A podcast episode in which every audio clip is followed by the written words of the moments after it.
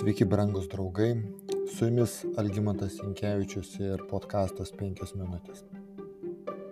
Po Jozujos mirties izraelitai labai greitai pasitraukė nuo Dievo.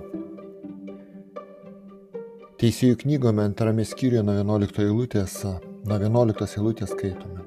Tada izraelitai darė, kas nedora viešpatės akise ir garbino balus.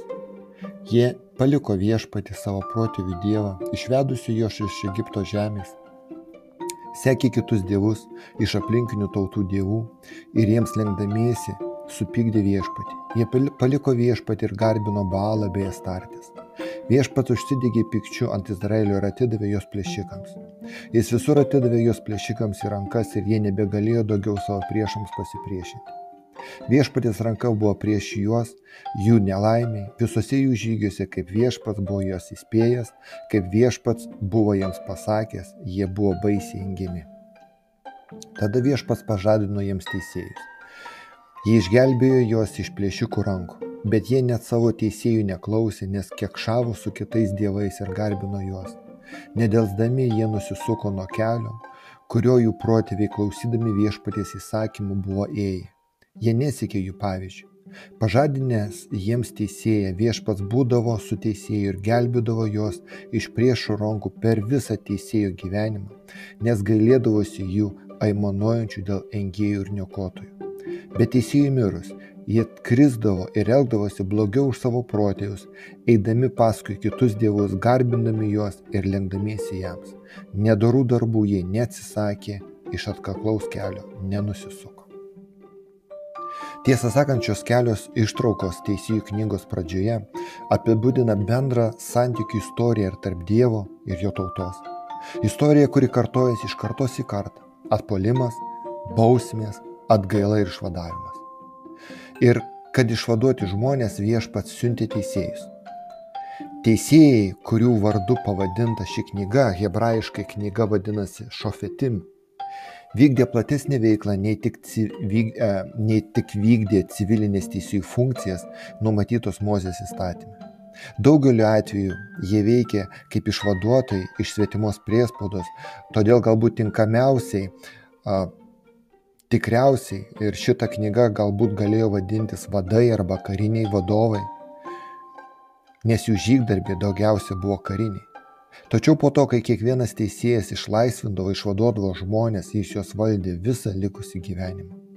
Pažvelgus į istorinių įvykių aprašytų teisėjų knygoje foną, pamatysime, kad neturėdami reikiamo tikėjimo į Dievą, gyvo tikėjimo Dievu, izraelitai negalėjo išvaryti kananiečių, todėl po keliurių pirmųjų karo metų jie įsikūrė šalia kananiečių, jų neišvarydami ir nesunaikindami, kaip buvo nurodęs Dievas. Izraelio vaikai augo, gyveno tarp kananiečių, hetito, maritų, periziečių, hivių ir jebusiečių. Jie ėmė jų dukteris su žmonomis, atidavė savo dukteris jų sunums ir tarnavo jų dievams. Teisėjų trečias skyrius. Susituokę su kananiečiais, izraelitai iš buvusio Kanano gyventojų ėmė mokytis ir jų kuninkavimo būdų Kananiečių religija sutelkė dėmesį į nešvankės magiškas mėgdžiojimo apėgas, kad būtų užtikrintas dirbožėmio derlingumas ir gausus derlius. Šios apėgos apimė raganavimą, ištvirkavimą ir net ritualinį vaikų žudimą. Priėmė kananiečių žemės ūkininkavimo metodas, daugelis hebrajų nepastebėjo, kaip jie perėmė su šiais metodais ir susijusią religiją ir, ir jos praktikavimą.